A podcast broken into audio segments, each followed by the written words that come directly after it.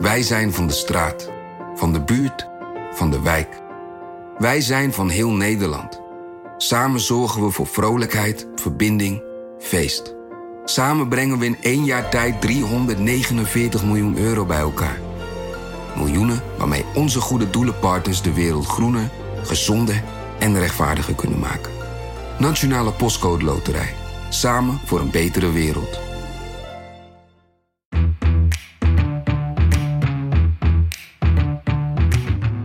Dit is Haagse Zaken van NRC. Mijn naam is Lemia Aharwai. Even vooraf, in deze aflevering komen zelfmoord en een verkrachtingszaak aan bod. Als dat onderwerpen zijn waar je liever niet over hoort, dan raad ik je af om deze aflevering te beluisteren.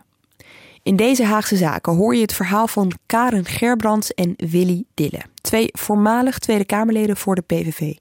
Karen Gerbrands is, als we deze opname doen, nog actief voor de partij als gemeenteraadslid in Den Haag.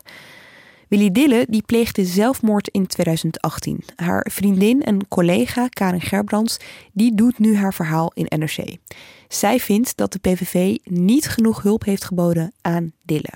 Je hoort hoe het journalistieke proces achter zo'n ingewikkeld stuk werkt, hoe het verhaal gecheckt wordt en hoe wederhoor wordt gepleegd. En we bieden je een inkijkje in een van de meest gesloten, misschien wel de meest gesloten politieke partij in de Tweede Kamer. Je hoort af en toe geluidsfragmenten uit de interviews met Karen Gerbrands. Daar heeft zij uiteraard toestemming voor gegeven. Maar ik zeg je nu al wel alvast bij, die interviews zijn allemaal afgenomen in een café. Dus soms klinkt er wat achtergrondgeluid. Enzo van Steenberg en Peter de Koning, welkom allebei. Jullie interviewden uh, Gerbrands uh, de afgelopen tijd. Ik wil, daar gaan we het straks wat uitgebreider over hebben, over hoe dat allemaal is gegaan. Maar ik wil eerst naar het verhaal dat jullie optekenden en uh, de twee hoofdpersonen even langs gaan. En zo, de eerste daarvan is Karen Gerbrands. Wie is zij? Ja, uh, Karen Gerbrands is ruim tien jaar betrokken al bij de PVV. En uh, dat is eigenlijk begonnen toen ze een advertentie zag, eigenlijk een oproep voor medewerkers. de Tweede Kamerfractie was toen nog jong van de PVV en um, ze had een beleidsmedewerker zorg nodig. En Gerbrands die werkte in de zorg. Die werkte in verpleeghuizen en die werkte op dat moment in een hospice. Dus een plek waar mensen uh, de laatste dagen voor hun overlijden uh, doorbrengen. Mm -hmm. En uh, ze belde weg bij haar werkgever omdat ze zag dat het daar niet goed ging. Ze kreeg minder tijd voor de patiënten. En ze had verschillende dingen gezien in de zorg waarvan ze dacht, hier moet iets aan veranderen. Op, op een dag had ik nachtdienst en toen kwam er een Poolse uitzendkracht die geen Nederlands sprak, weet je wel. Dan heb je het over een afdeling waar mensen komen om te overlijden en familie met heel veel vragen. Nou, toen ben ik zo boos geworden en toen wilde ik blijven. Ik denk, nou dan werk ik wel door, want dat kan gewoon echt niet. En toen werd ik naar huis gestuurd van uh, nee en dat komt allemaal wel goed, weet je wel zo. Nou, weet je, allemaal, allemaal, dat, soort, uh, allemaal dat soort dingen. Uh, nachtdiensten uh, moesten wij ineens hand- en spandiensten gaan verlenen in het verpleeghuis, weet je wel. Terwijl juist s'nachts, als mensen niet kunnen slapen, dan hè, willen ze praten of uh, zijn ze wel eens verdrietig of ze zijn bang. En dan moest je gewoon de afdeling alleen laten. Nou, allemaal dat soort dingen. Ja, Karen Gerbrands die is opgegroeid in Den Haag en ze werkt ook in Den Haag. Um, ze groeide trouwens op, misschien is dat ook wel goed om even te zeggen. Ze groeide op in de Haagse wijk Eskamp. Haar vader was elektrotechnicus, haar moeder werkte in de zorg. Um, ze heeft zelf uh, VWO gedaan en daarna is ze gaan werken. Dus uh, zo is ze in de zorg terechtgekomen. En ze kwam daar ook um, als uh, verpleegkundige over de vloer bij allochtone patiënten. En ze zag allerlei problemen, vertelde ze aan ons. we deden ook maagzondes inbrengen bij baby's, zeg maar, die te vroeg geboren waren. Nou, op een gegeven moment kwam ik erachter, dan had ik een paar vrijdagen gewerkt, dat ik op vrijdag elke keer naar hetzelfde kindje moest omdat de maagzonde eruit was. Nou, die bleek dus gewoon eruit getrokken te zijn door de vader. Want de mannen kwamen naar de moskee daar en die mochten niet zien dat het kindje ziek was. Nou, dat soort dingen allemaal. Ja, ik vind gewoon grens aan kindermishandeling. Als het al niet is, weet je wel. Nou, en dat soort, dat soort dingen allemaal, weet je. Kijk, we kunnen een hoop leren er ook van. Hè? Want uh, ik bedoel, de familie zorgt supergoed voor, uh, voor zijn eigen ouders en dat soort dingen. Daar kunnen wij... Uh, Nederlanders nog een punt Ja. aanzuigen, dat meen ik serieus. Dus daar kunnen we nog maar, ja, er gebeuren ook hele, hele nare dingen. Ja. Wat ik hoor hier is een echte Hagenees of Hagenaar. Hagenaar, ik haal het altijd door elkaar. Maar anyway, Die durf ik me ook niet aan te branden. iemand die met de eh, voet in de modder staat, die eh, werkt in de zorg, die dingen mis ziet gaan, die de bezuinigingen van dichtbij meemaakt op de zorg. En dan ziet ze die vacature bij de PVV. Waarom wil ze bij de PVV? nou, je hoort een beetje al in het, in het fragment hè, dat ze ook dingen ziet eh, in, de, in dit geval dan de moslimgemeenschap, eh, waarvan zij vindt dat ze niet, eh, niet goed gaan.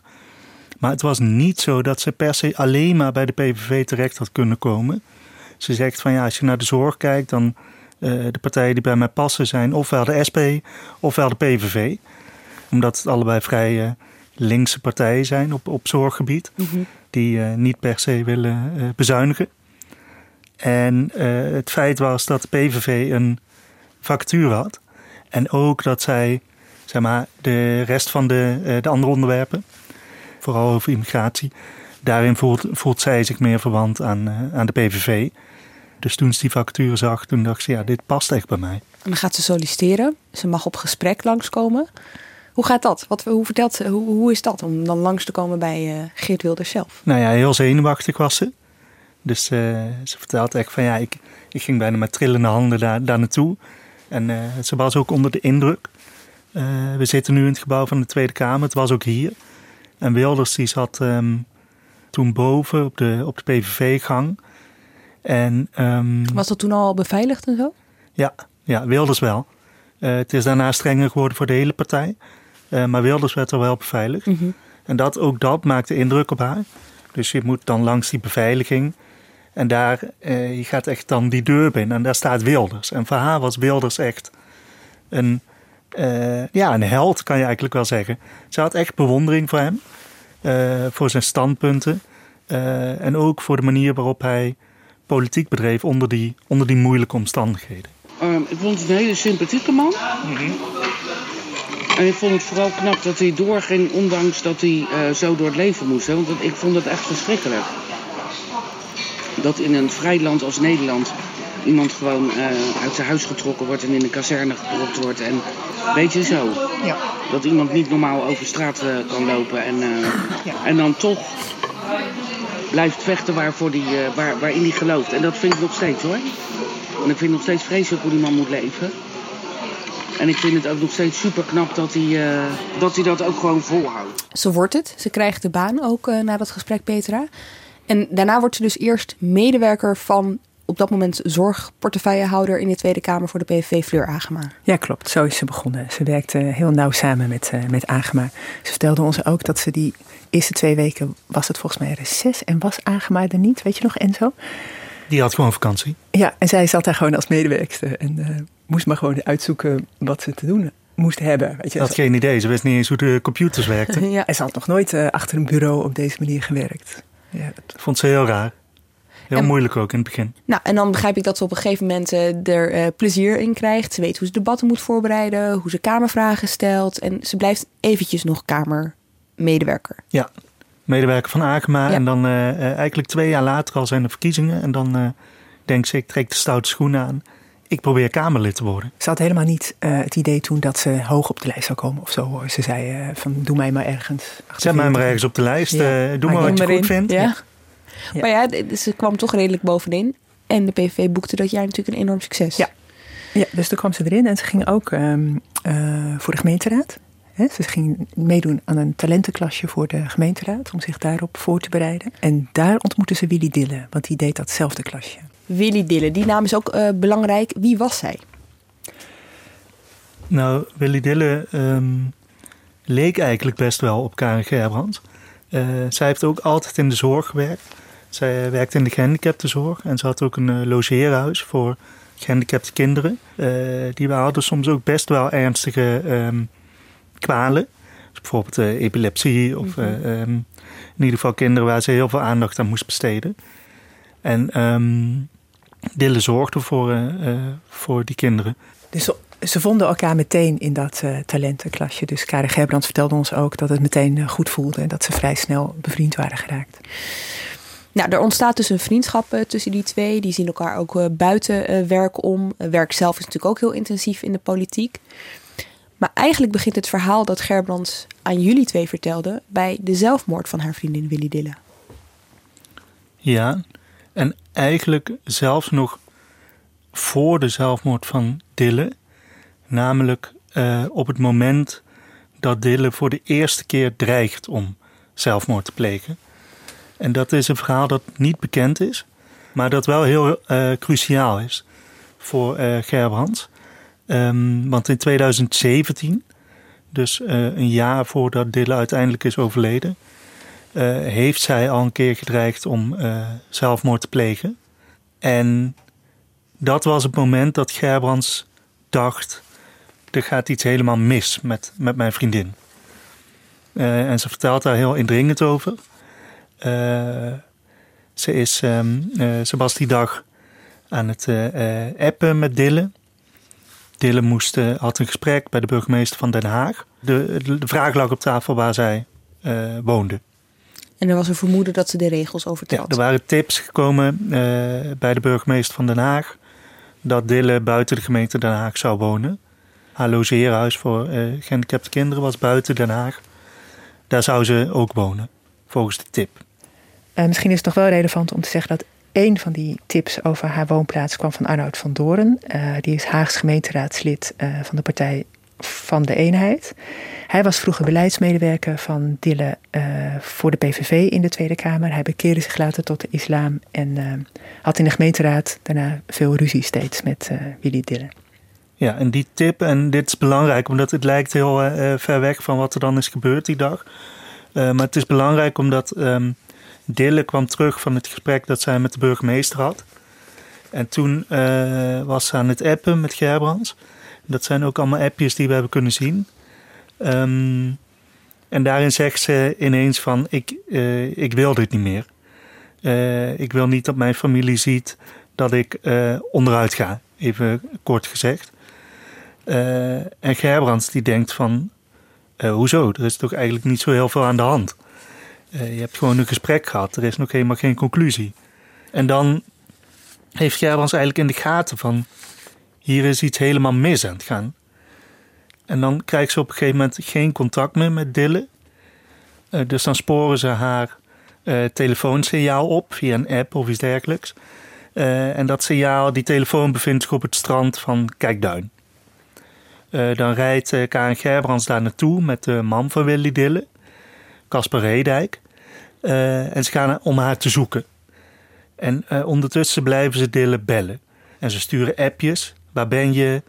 Uh, je kan toch alles tegen me zeggen? En op een, echt na een aantal uren krijgen ze dan contact met Dille. En die stuurt een nummer van een hotelkamer van een NH-hotel in de buurt van dat strand. Daar gaan ze dan naartoe. Ze komen uiteindelijk met de sleutel van het hotel die kamer binnen. Want Dille is daar niet meer.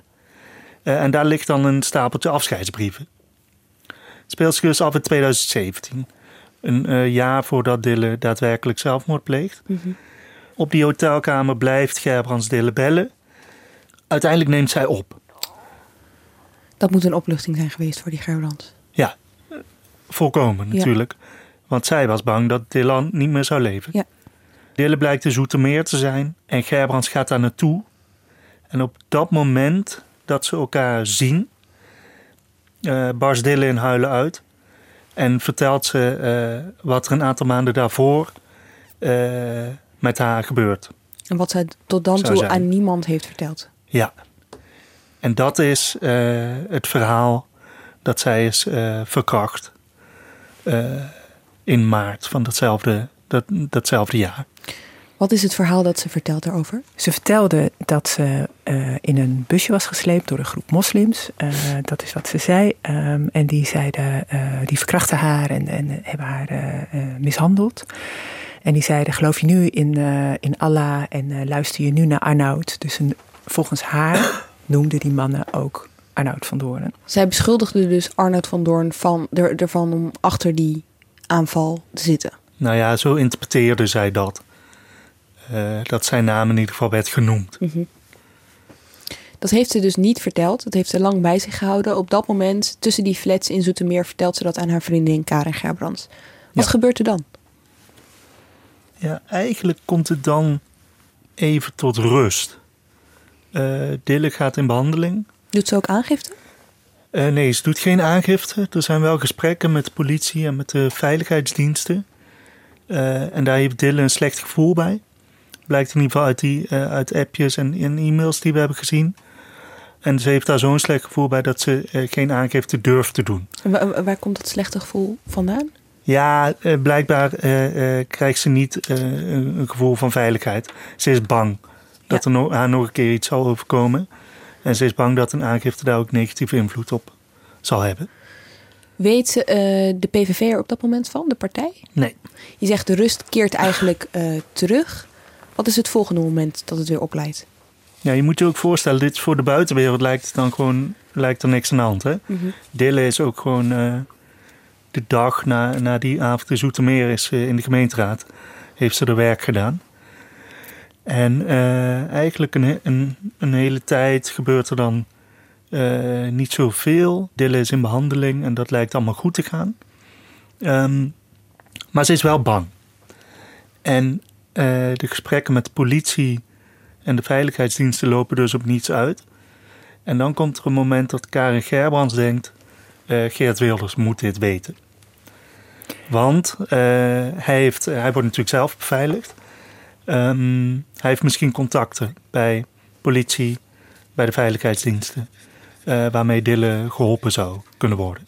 Ja, dus dan, dan praat ze daarover met eh, Fleur Agema. En die, die vindt dat ze het aan eh, Wilders moet vertellen. Dus dat gebeurt dan op eh 5 december 2017. Dan hebben ze een gesprek. En Karen Gerbrands heeft daar later een verslag van gemaakt. En daarin schrijft ze dat ze daar met een heel onbevredigend gevoel vandaan kwam. Ze had steeds het gevoel dat hij haar niet geloofde. Want hij zou dan een paar keer hebben gezegd... ehm, eh, als het waar is dan, als het waar is dan, als het waar is dan. En Slag om de arm. ja, ja. Ehm, nou ja, dat vond zij vreselijk. Oké, dit gaat dus eigenlijk om een hele sensitieve, ingewikkelde zaak. Eh, dat is een verkrachtingszaak vaak, maar het gaat hier ook om ja, wat voor bewijs is er. Er is geen aangifte gedaan. Ik, het journalistieke proces van jullie, daar gaan we het straks nog even over hebben. Hoe check je dit nou eigenlijk?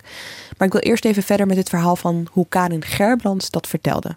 Voor de buitenwereld lijkt het dus helemaal goed te gaan. Ze is gewoon aan het werk, ze is in behandeling. Maar dan verschijnt er ineens een filmpje van Willy Dille op Facebook. Eh, ja, en eh, eerst is dat op haar besloten Facebookpagina. En er is eh, begin augustus 2018 zitten we dan. En niet alleen voor de buitenwereld lijkt het eigenlijk goed te gaan, maar ook voor Karen Gerbrands. Die denkt ook van, het gaat best goed met Willy. Ze is echt zichzelf en ze is vrolijk. Maar dan ehm, wordt Karen Gerbrands toegevoegd in een appgroep. Begin augustus 2018. En daar zitten een paar mensen in die Willy Dille eh, kennen. Willy Dille maakt hem aan. En ook Geert Wilders wordt toegevoegd in die appgroep. En daarin eh, post Dille een link naar dat Facebook filmpje. In dat filmpje, wat later is uitgelekt via Geen Stijl onder meer... zie je echt een, een aangeslagen Willy Dille. Ze heeft zichzelf opgenomen en ze vertelt daarin in het openbaar dat, eh, over de eh, eh, verkrachting. Dus het verhaal dat Gerbrands al kent en dat ook Geert Wilders al kent. En ze zegt dat ze opnieuw is bedreigd. En dat ze wil stoppen in de politiek. En ze is, ze is, het gaat duidelijk niet goed met haar. Nee, het is echt een relaas, zeg maar, eigenlijk, van Ja. alles wat ze heeft meegemaakt. Ja, ja. En het is, Karin zei ook van ja, ik zag daar, dat was niet eh, Willy. En eigenlijk ook als je haar niet kent, dan denk je het gaat niet goed met deze eh, vrouw. Dus eh, Dille die zet dat op haar Facebook, het lekt uit, maar ze stuurt tegelijkertijd ook een link in die appgroep waar onder andere Wilders in zit. Ja, al voordat het, voordat het uitlekt. Zij hoopt dus op een reactie, neem ik aan, van Wilders. Ja, dus zo vertelt Karin Gerbrands het ook. Van, Willy heeft Wilders toegevoegd omdat ze wilde laten weten dat het niet goed met haar ging. Alleen eh, dat lukt niet, omdat Wilders gaat meteen uit die appgroep. Dus hij reageert niet en eh, nou ja, dan zie je zo'n eh, notificatie. Geert Wilders heeft de groep verlaten. dat hebben we ook gezien, screenshots daarvan. Daar zegt hij later over tegen Karen Gerbrands... ja, dat heb ik gedaan omdat ik telefoonnummers zag die ik niet kende. En dat vind ik niet veilig. Ja, het is natuurlijk een zwaar beveiligde man. Ik bedoel, het is best belangrijk om erbij te vermelden. Zijn nummer, dat kun je niet zomaar krijgen. Zeker. Wat doet uh, Gerbrands na dat filmpje? Want die zit haar vriendin en dat, gaat, dat verspreidt zich ook nog eens over het internet. Die neemt, neem ik aan, contact met haar op. Ja, die probeert haar te bellen. En uh, uiteindelijk is uh, Willy Dille de hele dag bij Karen Gerbrands. Karen Gerbrands vertelt erover dat ze nog ook best veel gelachen hebben en zo. Maar weet je, dat ze eerst heel veel moest huilen. En uh, zie je wel, ik, word door geen stijl neergezet als een labiel gekkie. Dit is waar ik altijd bang voor ben geweest.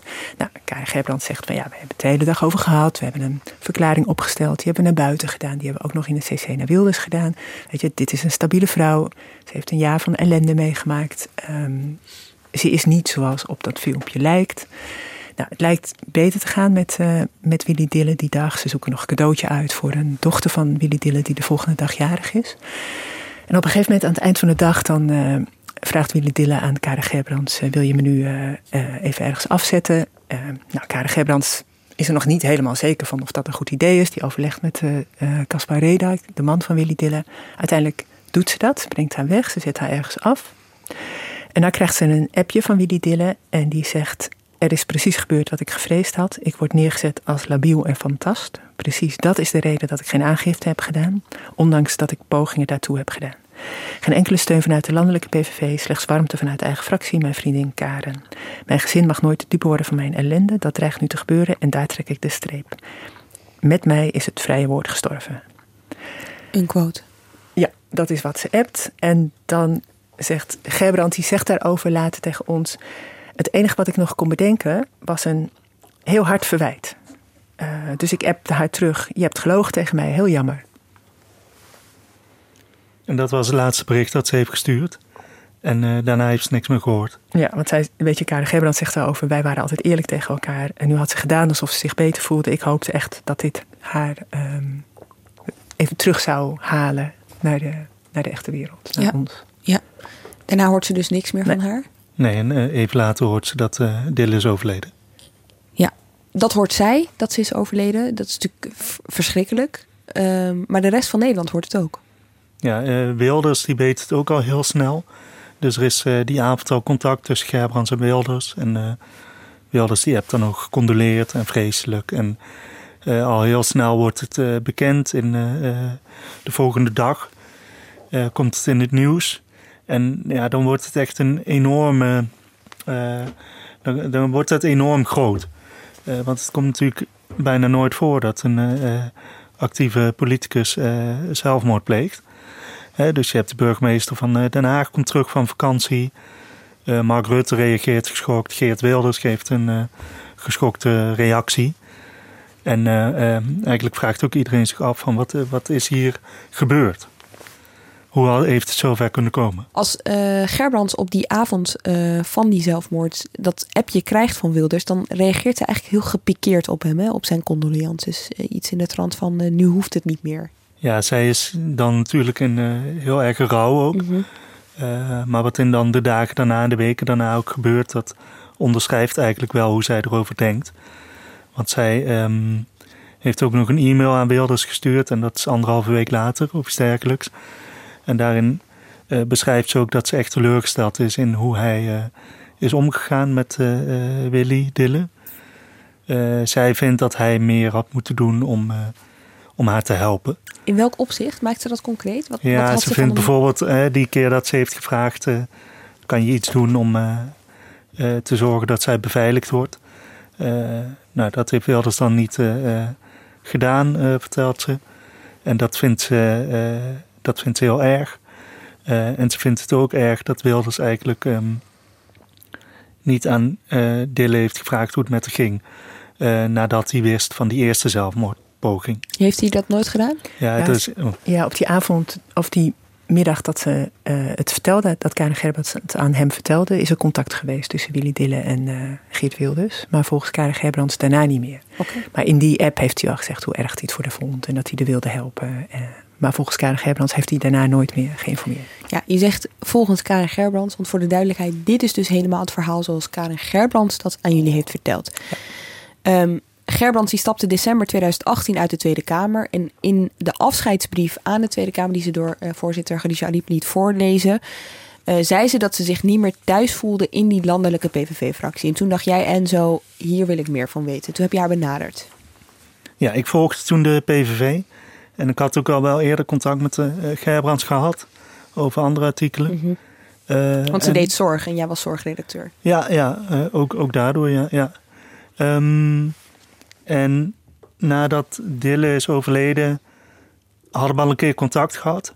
Want dan vraag je toch als journalist van... Hey, wil je er een keer over praten? En dan weet je ook nog niet van of dat een, een interview zou zijn... wat uh, de krant in kan. Maar je wil wel graag horen van zo iemand... van wat is er nou gebeurd? Mm -hmm. En uh, toen liet ze al weten van... Nou ja, daar ben ik echt niet klaar voor. Dit was weer zo'n moment na dat afscheid in de Kamer... dat je even vraagt van... Hey, uh, je, je vertelt dat, of je laat uh, Ariep vertellen dat, dat je niet meer thuis voelde. Waarom dan niet? Eigenlijk ja, een hele basic vraag. Mm -hmm. En toen, een tijdje later, zei ze van... Toen heb ik nog een keer gevraagd van, ben je er nu klaar voor? Toen zei ze van, nou, ik wil wel een keer praten. Ik heb altijd het gevoel gehad dat ik een keer mijn verhaal moest doen. En we hebben hier al vaker over geappt. Dus laten we een keer koffie drinken. Ja, intussen had ze haar verhaal al kort gedaan aan de Telegraaf, hè? Ja, en dat was uh, uh, inderdaad, dat ging dan heel erg over ook de dag uh, dat Willy Dille overleed. Ja, precies. Nou, koffie doen, dat werd iets meer dan één kop koffie. Ja, we hebben eerst kennis gemaakt. We hebben afgesproken in een café in Kijkduin. Daar hebben we nou, zeker een uur met haar zitten praten en het over gehad wat we konden doen, mm -hmm. wat zij wilde, wat, ze, ja, wat haar idee erbij was, wat ons idee erbij was. En uh, toen hebben we afgesproken dat we, dat we dat gingen doen. Hè? Dat we een aantal keren zouden afspreken om het echt heel zorgvuldig en heel uitgebreid te doen. Wat voor persoon zat er tegenover jullie? Wat, wat, wat wilde ze vertellen? Wat, wat merkte je aan haar? Waarom wilde ze nu wel? Ik denk dat ze daar goed over na had gedacht. Dat merkten we meteen wel. En ze had een duidelijk idee wat ze, uh, wat ze wilde vertellen en waarom ze dat wilde. En dat was, um, het was meteen duidelijk dat ze niet alleen maar wilde praten over hoe is Willy Dille overleden en wat er met haar gebeurt. Maar ze had nagedacht over haar rol in de partij, vanaf het begin af aan tot nu toe.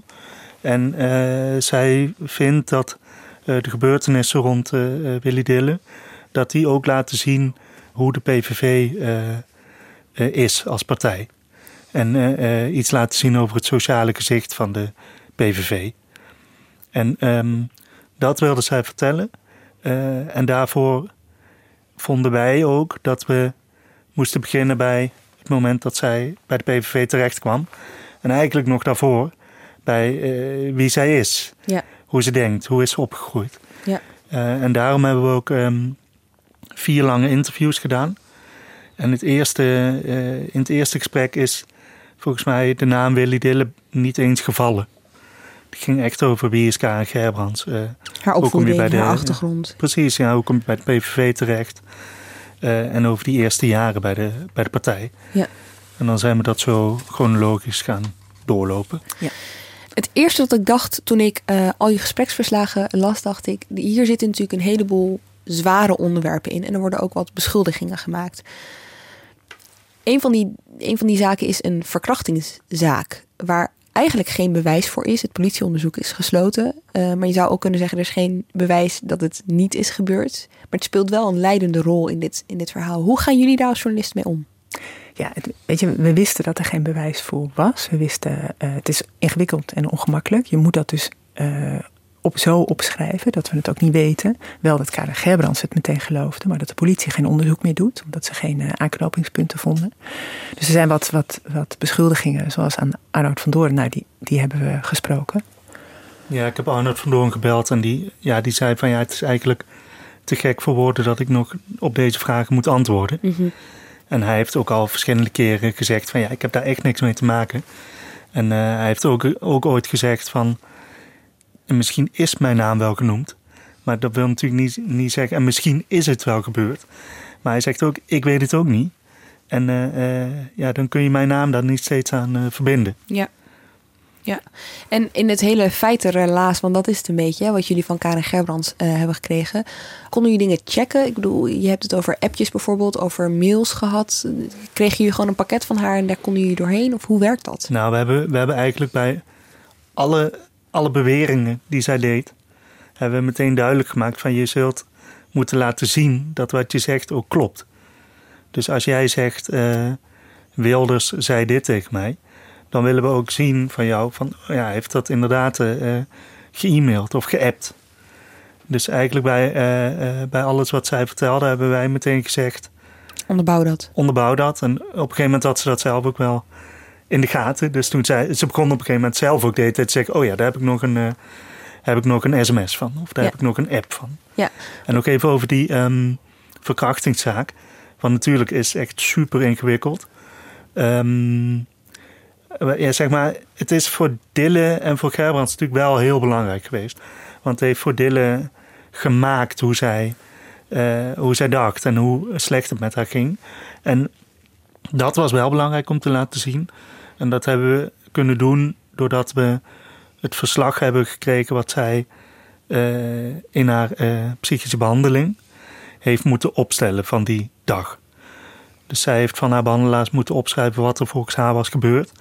Dat verslag hebben we gezien. Dus echt haar eigen beleving van die dag. Precies. En kijk, verder kom je niet. Nee. En um, komt ook de politie niet. En daar zijn we ook eerlijk over. Maar we kunnen ook niet doen alsof het niet is gebeurd. Want Ja. het speelt natuurlijk een grote rol in uh, uh, wat, uh, wat er daarna met Dille is gebeurd. Ja, het, het viel me ook op dat uh, Gerbrand eigenlijk heel minutieus heeft bijgehouden wat er allemaal is gebeurd in die periode. Tot en met gespreksverslagen aan toe. Dus als zij uh, nou, bijvoorbeeld Wilders had gesproken, dan maakte ze daarna echt een gespreksverslag ervan. ook die hebben je allemaal ingezien. Ja, alles wat ze op papier heeft, hebben we gezien. Dan krijg je zo'n verhaal te horen, uh, inclusief bewijzen. Nou, ik neem aan dat je journalistieke instincten meteen zeggen: Nou, dit is een verhaal dat we op willen schrijven. Maar wat gebeurt er dan binnen de krant? Ik bedoel, uh, kun je, kunnen jullie me meenemen wat, hoe, je, hoe jullie dat zijn begonnen? Nou, we zijn meteen naar uh, onze chef gegaan, de chef van de Haagse redactie, om uit te leggen wat we, wat we van het plan zijn. Mm -hmm. uh, en die vond het een goed idee. Dus we hebben voortdurend met hem overlegd over waar we stonden, waar we waren, hoe we het aanpakten. Ja, en dan um, wat eigenlijk het belangrijkste is, is dat wij dan. Kijk, wij zitten er op een gegeven moment zelf natuurlijk ook dicht bovenop. Uh, die gespreksverslagen die, uh, uh, die jij dan ook hebt gelezen, dat, dat is 70 pagina's. Mm -hmm.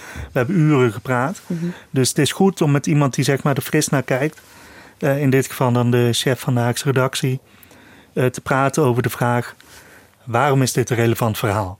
Uh, dus eerst praat je met je eigen leidinggevende. En uh, als je dan wat verder in het proces komt, dan uh, worden daar meer leidinggevenden bij betrokken. In dit geval de chef van de zaterdagkrant, de weekendeditie. Um, die gaat dan meedenken. en uiteindelijk ook de hoofdredactie. omdat iedereen weet dat dit een gevoelig onderwerp is. En um, we willen met elkaar dan wel er zeker van zijn dat we dit een belangrijk verhaal vinden. Zeker omdat het ook over zulke persoonlijke uh, dingen gaat, zoals die hechte vriendschap. Uh, en over heel ingewikkelde zaken, zoals een verkrachting die je niet kunt bewijzen en een zelfmoord. Ja, ja. En wat was het antwoord na die gesprekken op die vraag: waarom is het relevant? Um, nou, dat antwoord ligt in dat het verhaal van Gerbrands en Dille ook iets zegt over hoe de PVV als partij is. Dit is natuurlijk een groot menselijk drama. En als zoiets gebeurt in, in de politiek, dan heb je je daar ook toe te verhouden als partij en als partijleider. Uh, en dat is weer relevant voor mensen om te weten. Hoe gaat de PVV om met uh, uh, iets dat sociaal gezien zo ingewikkeld is? Ja. En daar komt dan bij dat een groot deel van het verhaal ook voor die verschrikkelijke gebeurtenissen zich afspeelt. Namelijk met uh, wat heeft Gerbrands meegemaakt in de partij. Hoe heeft zij de partij zien groeien en zich daarna zien ontwikkelen. Gerbrands zegt best wel wat over Wilders en hoe hij zich heeft uh, opgesteld uh, in die hele periode. Dan moet je natuurlijk ook wederhoor gaan plegen bij Wilders om te kijken of, ja, wat zijn lezing van de feiten is. hoe werkt dat? Ja, we hebben een lijst gemaakt met alle, alle een beetje alle dingen die zij zegt over Wilders, over hoe die partij functioneert en wat zijn rol daarin is. Hoeveel waren het er? Nou, dat waren twintig vragen. En eh, je, je, zeg maar, je vraagt hem niet alles wat ze heeft gezegd, want sommige dingen gebruik je ook niet. Mhm. je maakt keuzes en Ja. dan. Maar de dingen die we eh, in het verhaal wellicht in het verhaal zouden verwerken, eh, die hebben we hem, eh, eh, zeg maar, heel minutieus leg je dat dan voor. Precies zo van, zij zegt dit. We lezen in die en die e-mail die we hebben gezien, Oh ja. die u heeft geschreven, lezen we dit. Wat is uw reactie? Twintig van dat soort vragen. Nou staat Wilders er niet per se onbekend dat hij reageert op eh, verzoeken van eh, journalisten. Maar in dit geval was dat wel zo. Ja, dat was best wel opmerkelijk, want ik heb inderdaad best wel veel over de PVV geschreven, maar ik heb nu nooit reactie van Wilders gekregen. Tot deze week.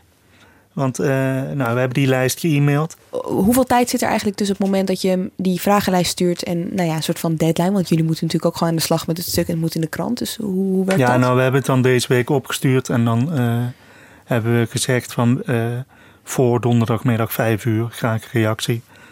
Want dan kunnen we het nog verwerken. En je moet ook rekening mee houden dat, dat Wilders weer iets zou zeggen wat je weer moet checken. Precies, ja. Eh, en daar heb je dan nog tijd voor. Ja, en zijn reactie kwam op woensdagavond, hè? Kwam per e-mail bij Ja, jou woensdagavond, ja. Je hebt die e-mail voor je. Zou je hem eens willen voorlezen? Ja, ik lees het nu letterlijk voor. Eh, geachte heer Van Steenbergen, ik herken mij niet in het geschetste beeld. Ik heb naar eer en geweten gehandeld. Op verschillende momenten heb ik mijn steun en hulp aan Willy aangeboden. Verder vind ik het na deze tragedie niet gepast hier verder op in te gaan. Met vriendelijke groet, Geert Wilders. Hier staat dus eigenlijk geen ontkenning. Ja, Maar ook geen bevestiging. ook geen bevestiging. En hij maakt, hij maakt de keuze om er inhoudelijk niet op in te gaan. En dat, eh, eh, daar moet je begrip voor hebben. En dan is het ook goed om dit gewoon helemaal eh, hier te laten horen, maar ook in de krant te laten zien. En hij zegt wel duidelijk van ik heb op een aantal momenten mijn steun en hulp aan Willy aangeboden. Ja. Eh, dus dat is zijn ervaring. Jullie hebben bij meer mensen wederhoor eh, ge- gevraagd. Eh, daar gaan we het straks nog eventjes over hebben. eh, op het moment dat ze aan, aan bod komen. Ik heb nog één vraag voordat we het gaan hebben over de partij zelf. En dat is, wat is nou in, deze, in dit hele proces... Hoe lang heeft het geduurd? Wanneer zijn jullie begonnen met, met die Ja, gesprekken? maanden, hè? In het voorjaar het- voor het eerst. Ja. Ja. Wat is voor jullie de belangrijkste journalistieke afweging geweest in die periode? Of haar verhaal ehm, een inkijk gaf in de PVV. Weet je, of we hierdoor leerden over hoe de, hoe de PVV functioneert. Toch en? Ja, dat, eh, dat is wel de samenvatting. Want waar je steeds mee bezig bent is... eh, zijn we niet bezig met een sensatieverhaal... maar eh, leren we iets over de PVV als partij. Een partij die heel gesloten is en waar we eigenlijk nooit iets over lezen. En die balans zoeken... ehm, dat is een, eh, journalistiek gezien eh, best wel lastig. En daar gaat dus heel veel tijd in zitten. Heel veel overleggen met elkaar. Heel vaak eh, de teksten door die je schrijft. Heen en weer mailen, bij elkaar gaan zitten. Eh, is deze zin afgewogen genoeg? Eh, is die zin afgewogen genoeg? Je denkt eigenlijk echt over alle zinnen na. Ja, want alle, ook elk woord dat je gebruikt kan een lading hebben. Dus Ja. daar moet je heel goed over nadenken. Hoe is Gerbrand hier eigenlijk onder? Want jullie hebben het haar, neem ik aan, ook voorgelegd. Het hele verhaal, eh, of het eindproduct. Zij wilde heel graag iets vertellen. Vindt ze het spannend? Ik bedoel, hoe... Nou ja, in al die gesprekken was duidelijk dat ze haar vaste voornemen om het helemaal te vertellen, dat ze zich daaraan heeft gehouden. Dat, dat tot, het, tot het eind toe. En ja, weet je, zeker, ze weet heel goed wat dat betekent. Ze weet ook heel goed dat actieve PVV'ers dit nooit doen. Zo uit de school klappen, zo vertellen hoe de dingen lopen. Ze vond dat het moest. Ze, had ze heeft daar uitgebreid haar redenen voor gegeven.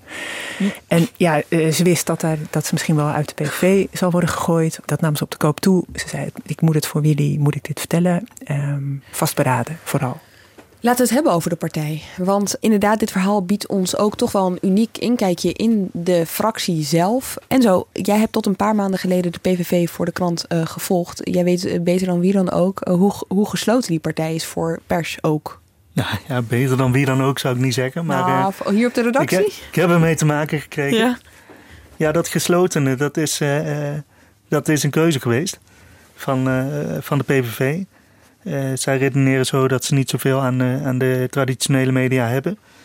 Eh, en dat ze beter zelf hun boodschappen de wereld in kunnen sturen. Voornamelijk via het Twitter-account van Geert Wilders.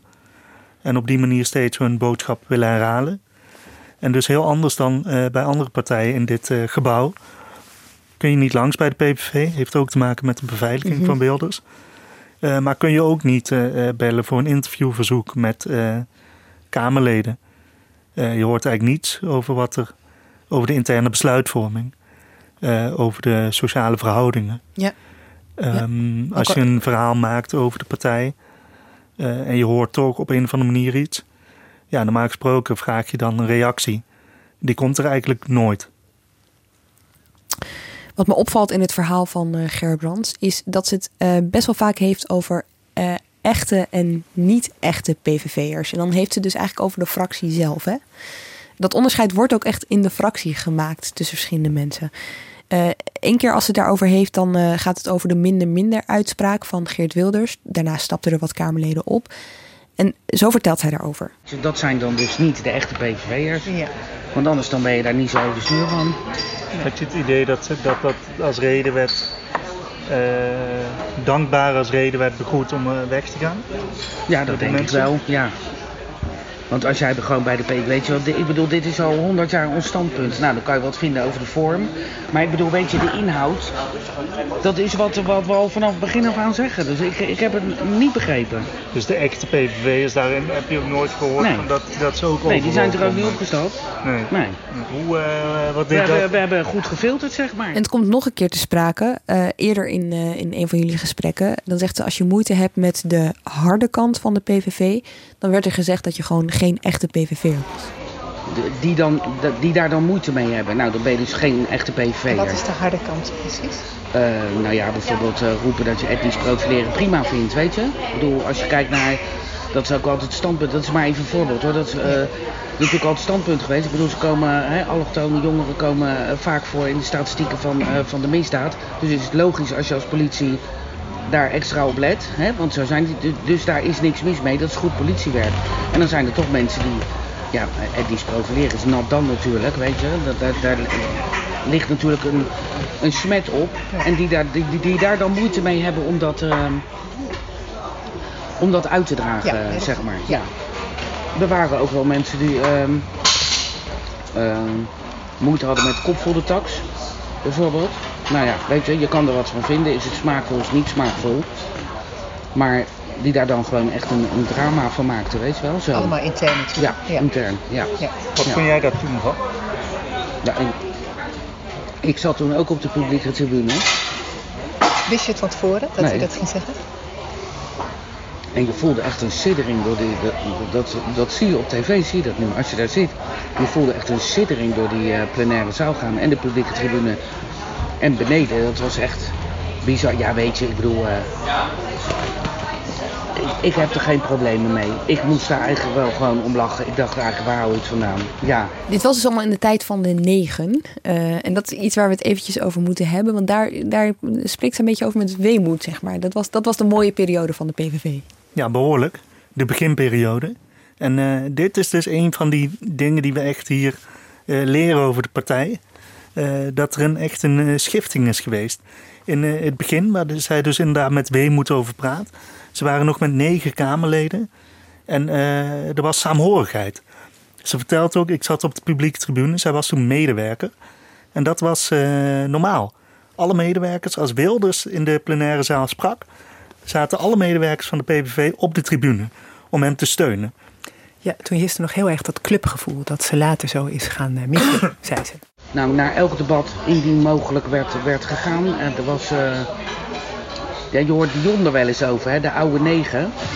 En er zijn mensen die daar heel boos over worden, maar hij heeft gewoon wel gelijk. Weet je wel, er was saamhorigheid. Er werd keihard gewerkt. Iedereen uh, had de neus dezelfde kant op. We waren maar met één doel bezig. En ja, dat, dat was gewoon super, weet je wel. Het was keihard werken, maar wel gewoon met heel veel voldoening en heel veel plezier. Het is uh, heel erg hard werken, vertelt ze ook wel. Maar de controle van Wilders op de groep, dat is er dan eigenlijk ook al wel, hè? Ja, zij vertelt, alles moest altijd langs uh, Wilders. He, dus werd er een uh, medewerker aangenomen. Ook al ging die helemaal niet voor Wilders werken, maar voor een Kamerlid. Dan wilde toch Wilders zelf diegene ontmoeten en zien of het oké was. En dat, dat is eigenlijk zo gebleven, ook toen de uh, partij groter werd. Gebeurt dat ook bij andere fracties eigenlijk? Dat dat op deze manier gaat? Uh, dat ligt eraan, denk ik, hoe groot fracties zijn. Maar volgens mhm. mij hebben, hebben de meeste fracties gewoon een personeelsfunctionaris die, uh, die de selectie doet. Ik, ik, kan me voorstellen dat als, als iemand voor een Kamerlid gaat werken, dan is het Kamerlid bij zo'n gesprek. Maar ik heb niet eerder gehoord dat, dat de partijleider bij al die gesprekken zit van de medewerkers. Nee. De negen, uh, dat verdwijnt eigenlijk na 2010. En dat is ook wel een moment dat uh, Gerbrands uh, omschrijft als ja, een soort schakelmoment voor de partij. Ineens, ze winnen veel meer zetels dan dat ze hadden verwacht. Zij komt dus ook in de Kamer terecht. De fractie wordt ook verdeeld over twee verdiepingen. Ja, dat noemt uh, Karen Gerbrands ook als een, een van de redenen waardoor het dan minder goed gaat, minder gezellig is ook. Ehm, weet je, dan groeit het onderling wantrouwen uh, een beetje. Met, sowieso zie je dat wel bij grote fracties. Dan zijn er ook minder, is er minder te doen voor die Kamerleden, want er zijn minder portefeuilles, minder belangrijke portefeuilles. Dus op zich zie je dit proces wel vaker bij uh, partijen die groeien. Ja. Maar goed, bij, bij hen begint het wantrouwen dan echt goed, denk ik. En wat dat versterkt is natuurlijk Hero Brinkman, want dat gaat dan spelen. Dat is Tweede Kamerlid voor de PVV. En dat, uh, ja, die begint over democratisering binnen de partij. Ja, de PVV is niet echt een democratisch georganiseerde partij. Ze hebben geen uh, leden bijvoorbeeld, uh, alleen Geert Wilders. geen partijcongressen. er is geen sprake van inspraak. Er wordt altijd gezegd van ja, de fractievergaderingen zijn wel heel open en dan mag iedereen zijn zegje doen. dus wat dat betreft zijn we wel democratisch georganiseerd. Maar dat is toch wel heel anders dan bij andere partijen. En, en Hero Brinkman die maakt daar een punt van. Hè? Die ja, wil, uh, Hero Brinkman vindt dat, die vindt dat dat anders moet. Dus die wil... Um, die wilde in die, in die tijd dat... Uh, nu heeft de PVV een aantal gemeenteraadsfracties bijvoorbeeld. Toen nog niet. Hij wilde de partij uitbreiden. En er eigenlijk meer een doorsneepartij van maken. Uh, hij vond dat dat ook zou helpen om de partij te laten voortbestaan als uh, Wilders bijvoorbeeld zou stoppen als partijleider. En uh, dat leidt tot ruzie. Heel Brinkman die uh, stapt op. En dat, nee, dat opstappen leidt dan wel weer even tot saamhorigheid bij de rest. Grappig genoeg, hè? Omdat het de rest tegen versus Hero Brinkman is. Ja, alleen dat er is dan wel een zaadje geplant.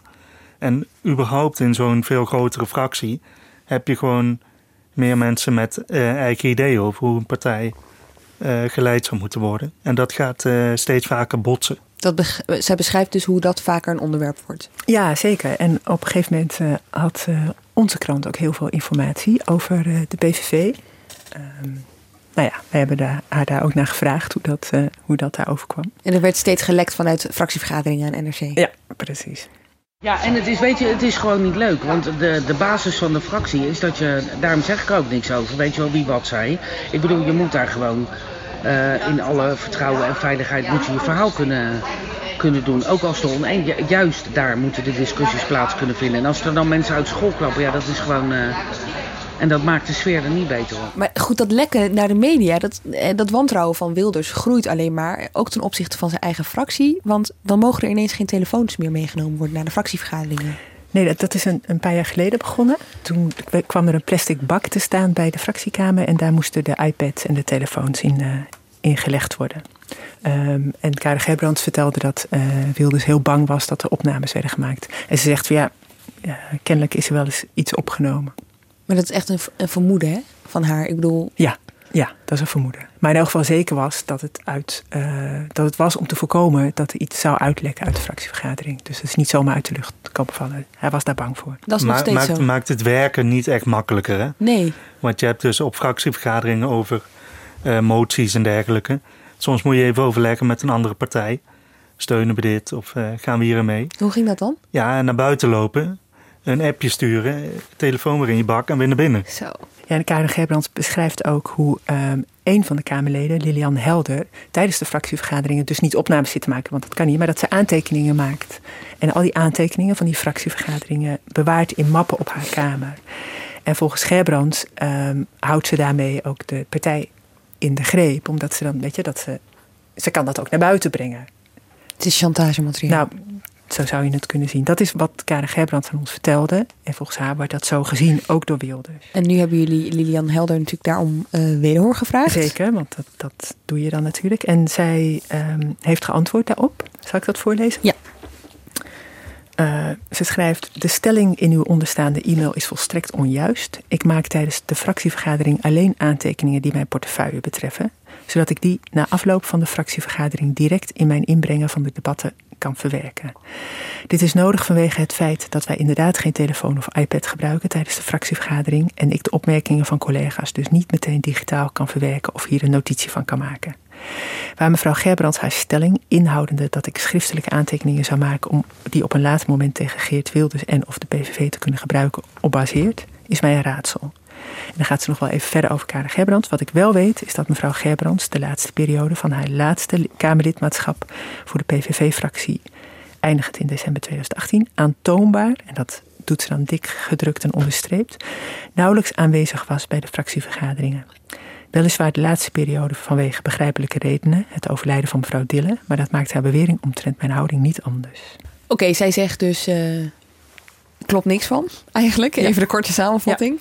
Hoe, hoe, wat doe je dan eigenlijk? Want ik neem aan dat jullie deze, dit dan ook in de dat zetten we erin. Ja, precies. Maar meer kan je, kan je natuurlijk ook niet doen, want je kan niet heen en weer blijven. Met, nee, ja. nee, je kijkt dan wel van, vinden we dit alsnog relevant?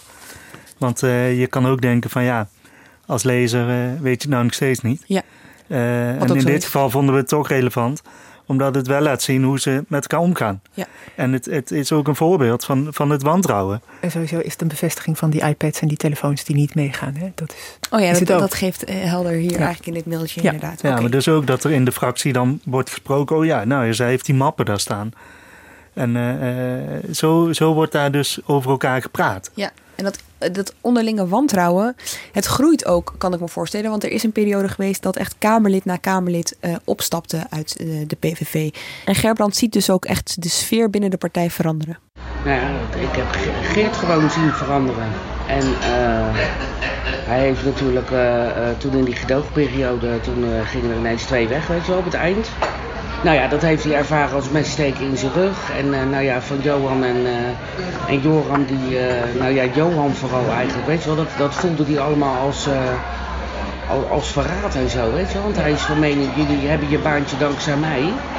En dan, dan hebben je niet zo te gedragen. Dus hij is gewoon steeds achterdochtiger geworden. Ze vertelt ook hoe hij op een gegeven moment mensen uit elkaar begint te halen die samen veel optrekken. Omdat hij bang is dat ze dan samen ook tegen hem op, op zullen trekken al met al geeft het het beeld van een fractievoorzitter die eigenlijk weinig vertrouwen heeft in zijn eigen mensen. Ja, dat is in ieder geval hoe zij het heeft uh, ervaren. Ja. En ook dat dat steeds erger werd. En dat de partij daardoor. Het is een heel groot contrast natuurlijk met hoe zij uh, die periode van de, uh, de eerste negen schetst. Ja. Ja, en dat is ook belangrijk voor het verhaal met Willy Dille, omdat zij verbindt dat aan elkaar. Hè. Ze zegt, we, zijn dat, we waren een club, we zijn dat gevoel kwijtgeraakt. Het werd uh, verdeel en heers en ieder voor zich. En toen dat met Willy Dille gebeurde, en in haar ogen had dat dus alles te maken met Willy Dille's opvattingen over uh, uh, allerlei dingen in Nederland, over migratie. En zij zegt, door haar standpunten is dat haar overkomen. Maar waar, waar was de PVV? Weet je, wie, wie kwam om haar heen staan? Ik was het eigenlijk alleen. Oh ja, ze miste, ze miste een groep die haar daar ja. steunde. Ja. Wat hebben jullie nou nog meer uit haar verhaal geleerd over die fractie, uh, over de PVV, wat jullie daarvoor gewoon niet wisten? Nou ja, we hadden het al over dat wantrouwen. Mm -hmm. En dat uh, Karin Gerbrands wordt op een gegeven moment, uh, is zij fractievoorzitter in de Haagse gemeenteraad. Parallel aan haar Kamerlidschap. Precies. Je hebt veel dubbelfuncties bij de PVV en dit was er één. En daar zie je ook hoe Wilders zich daarmee blijft bemoeien. Dus dat laat ook inderdaad zien dat hij dan nog steeds overal bovenop zit. Geeft u daar voorbeelden bij? Ja, op een gegeven moment uh, de gemeenteraadsverkiezingen van 2018 komen eraan. En Gerbrands die heeft, uh, die stelt de lijst, kandidatenlijst samen. Nou, dan vindt ze zelf van, uh, dat ze een briljant idee heeft. ze wil Henk Bres als lijstduwer. Henk Bres is een zeg maar, oude ADO Den Haag hooligan. En uh, iemand die uh, niet bepaald een blad voor de mond neemt. Die uh, in Den Haag veel fans heeft wel. Maar die ook wel echt vaak uit de bocht vliegt. Dus hij heeft nog voor die verkiezingen een keer een bericht op Twitter gedeeld waarin, waarin het ging over fucking cancer Muslims, bijvoorbeeld. dat soort dingen, dat, dat gebeurde vaker bij hem. En Gerbrands wilde hem als lijstduwer. En dan mailt ze haar lijst naar Wilders en die stuurt dan terug... Ja, oké, maar geen Henk Bres, SVP. En dan stuurt zij terug van ja, maar ik heb tegen jou gezegd... ik wil wel lijsttrekker worden. Maar alleen als ik de lijst mag opstellen. Dus we gaan het wel doen. En dan stuurt hij daarna nog een keer... dan hebben ze een beetje ruzie over de andere kandidaten. Stuurt hij daarna nog een keer van... ja, geen, uh, allemaal prima, geen lijstduwer. En zij doet dat uiteindelijk toch. Ze zet door. Ja. ja ze, zij zegt van ja, Henk komt er wel op. En dan uh, stuurt Wilders weer een bericht van... Uh, Oké, als je lijstduwer toch doet, dan wil ik wel bekendmaken dat dat zo is. En dat doet hij dan uiteindelijk ook op Twitter. Komt ook in het nieuws en zo. En uh, op verkiezingsdag stuurt Wilders dan een selfie uit het stemhokje. En dan heeft hij op Henk Bres gestemd. Ja, nou is opportunisme in de politiek natuurlijk niet per se heel nieuw.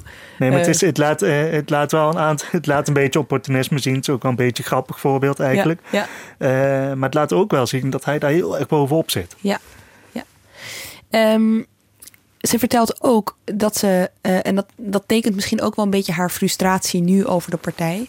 Dat ze bij die gemeenteraadsverkiezingen samen met Willy Dille veel zelf heeft moeten investeren, letterlijk als in geld. Er was geen campagnebudget. Dus ze heeft zelf uh, de flyers moeten drukken bijvoorbeeld. Uh, de afgelopen gemeenteraadscampagne hebben wij zelf betaald, hebben Willy en ik gedaan. Oh. En wat voor bedrag hebben we het dan nog? Nou ja, dat, dat moet je dan minimaal doen. Dus dat is uh, de flyers, de folders en dat soort dingen. Maar een paar honderd euro? Nou, de, tegen de duizend. Allebei, per persoon? Ja, met het de bijeenkomst op de verkiezingsavond uh, erbij. En dan uh, vragen jullie niet aan Wilders van kom eens met, met geld? Er is geen geld, zegt hij dan. Ik ben uitgevlogen. Maar dat kan je ook zeggen, dat, ja, dan is er ook geen campagne. Ja, maar daar heb je jezelf mee. Gerbrands was er natuurlijk ook bij op een voor de partij zeer cruciaal moment. En dat was de gedoogconstructie uit 2010. Uiteindelijk ging dat mis. De PVV stapte eruit. En dat is politiek gezien het moment geweest waarna de PVV eigenlijk nooit meer mee mocht regeren. Hè. Ik bedoel, tijdens de laatste formatie, eh, Petra, moesten uh, alle fractievoorzitters nog een brief schrijven waarom ze niet met de PVV samen wilden werken. En ja, en dan noemen ze steeds die, uh, hoe dat afgelopen is met dat gedoogkabinet. En dan vind ik het zo interessant dat ze het hierin dus echt voor Wilders opneemt. Dus toont aan dat ze hem nu niet ineens haat of zo. Ze, ze, ze, is bijna gefrustreerd dat hij niet voor zichzelf opkomt als hij in zo'n hoek wordt gedreven door andere fractievoorzitters. Ja, weet je, daar irriteert. Ik, ik, daar word ik ook boos over. Hij verdedigt zich nooit hè, als het hier om gaat. Hij laat zich gewoon zeggen door, door Buma en Rutte van je loopt altijd weg. Weet je, de, we hadden natuurlijk afspraken gemaakt. Wij zouden dingen krijgen op uh, uh, integratie, immigratie. En uh, wij zouden de bezuinigingen steunen. Nou, dat hebben we allemaal keurig gedaan. En toen uh, waren er natuurlijk tegenvallers, dus er moest nog meer bezuinigd worden. Maar toen ging het CDA ging ineens difficulteren op die, op die integraal. Weet je wel, dan zeggen wij ook weer, nou prima, gaan we weer bezuinigen. Maar er moet wel duidelijk wat voor ons ook zijn. Dus hij is toen met toestemming van de fractie die laatste onderhandelingen ingegaan. Met de mededeling van er moet wel wat tegenover staan. Want wij gaan niet nog uh, honderden miljoenen extra bezuinigingen steunen. Terwijl onze eigen punten gewoon even in een bureau uh, gepletterd worden. Dus als ik het goed begrijp, is ze niet ineens de PVV gaan haten of Wilders gaan haten. Ze is het nog steeds eens met de standpunten. Ze neemt het nog steeds voor Wilders op. Um, wat is het wel? Ja, kijk, daar, daar komt dan alles samen. Zij is nog steeds een echte PVV'er. Uh, ze is het nog steeds helemaal eens met de standpunten. Ze vindt Wilders nog steeds een uitstekende politicus. Maar ze is teleurgesteld in, de, in het sociale gezicht van de partij. Dus uh, hoe mensen in de partij met elkaar omgaan. Uh, en dat heeft ze heel goed gezien, vertelt ze, tijdens het drama rond Willy Dille. Omdat zij echt vindt dat er te weinig aandacht is geweest voor hoe het met haar ging. En zij is bang en dat zegt ze ook echt zo. Zij is bang dat de partij daardoor naar de kloten gaat. Want stiekem, zegt ze dan, is dat nog steeds iets dat ze helemaal niet zou willen. En stiekem hoopt ze dat andere mensen eigenlijk haar voorbeeld volgen en ook gaan praten over wat ze zien, waardoor het kan verbeteren. Maar niet omdat de partij dan ten onder zou gaan, maar juist om de partij te verbeteren. Om die te redden, zo ziet zij dat. Voor de duidelijkheid, zij werkt nog steeds bij de PVV Ze is gewoon gemeenteraadslid in Den Haag. Wat denkt zij dat dit interview voor gevolg gaat hebben? Ja, zij, zij hield er rekening mee dat ze uit de PVV wordt gezet. Um, nou ja, dat gaan we zien. Vindt ze het erg?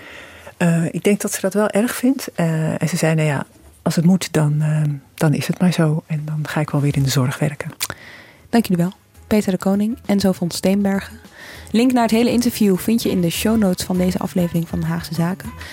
Praten over zelfdoding kan bij de landelijke hulplijn 113 zelfmoordpreventie op 0900 0113 of www.113.nl. Dit was Haagse Zaken voor deze week. Productie was in handen van Iris Verhulstonk. Tot volgende week.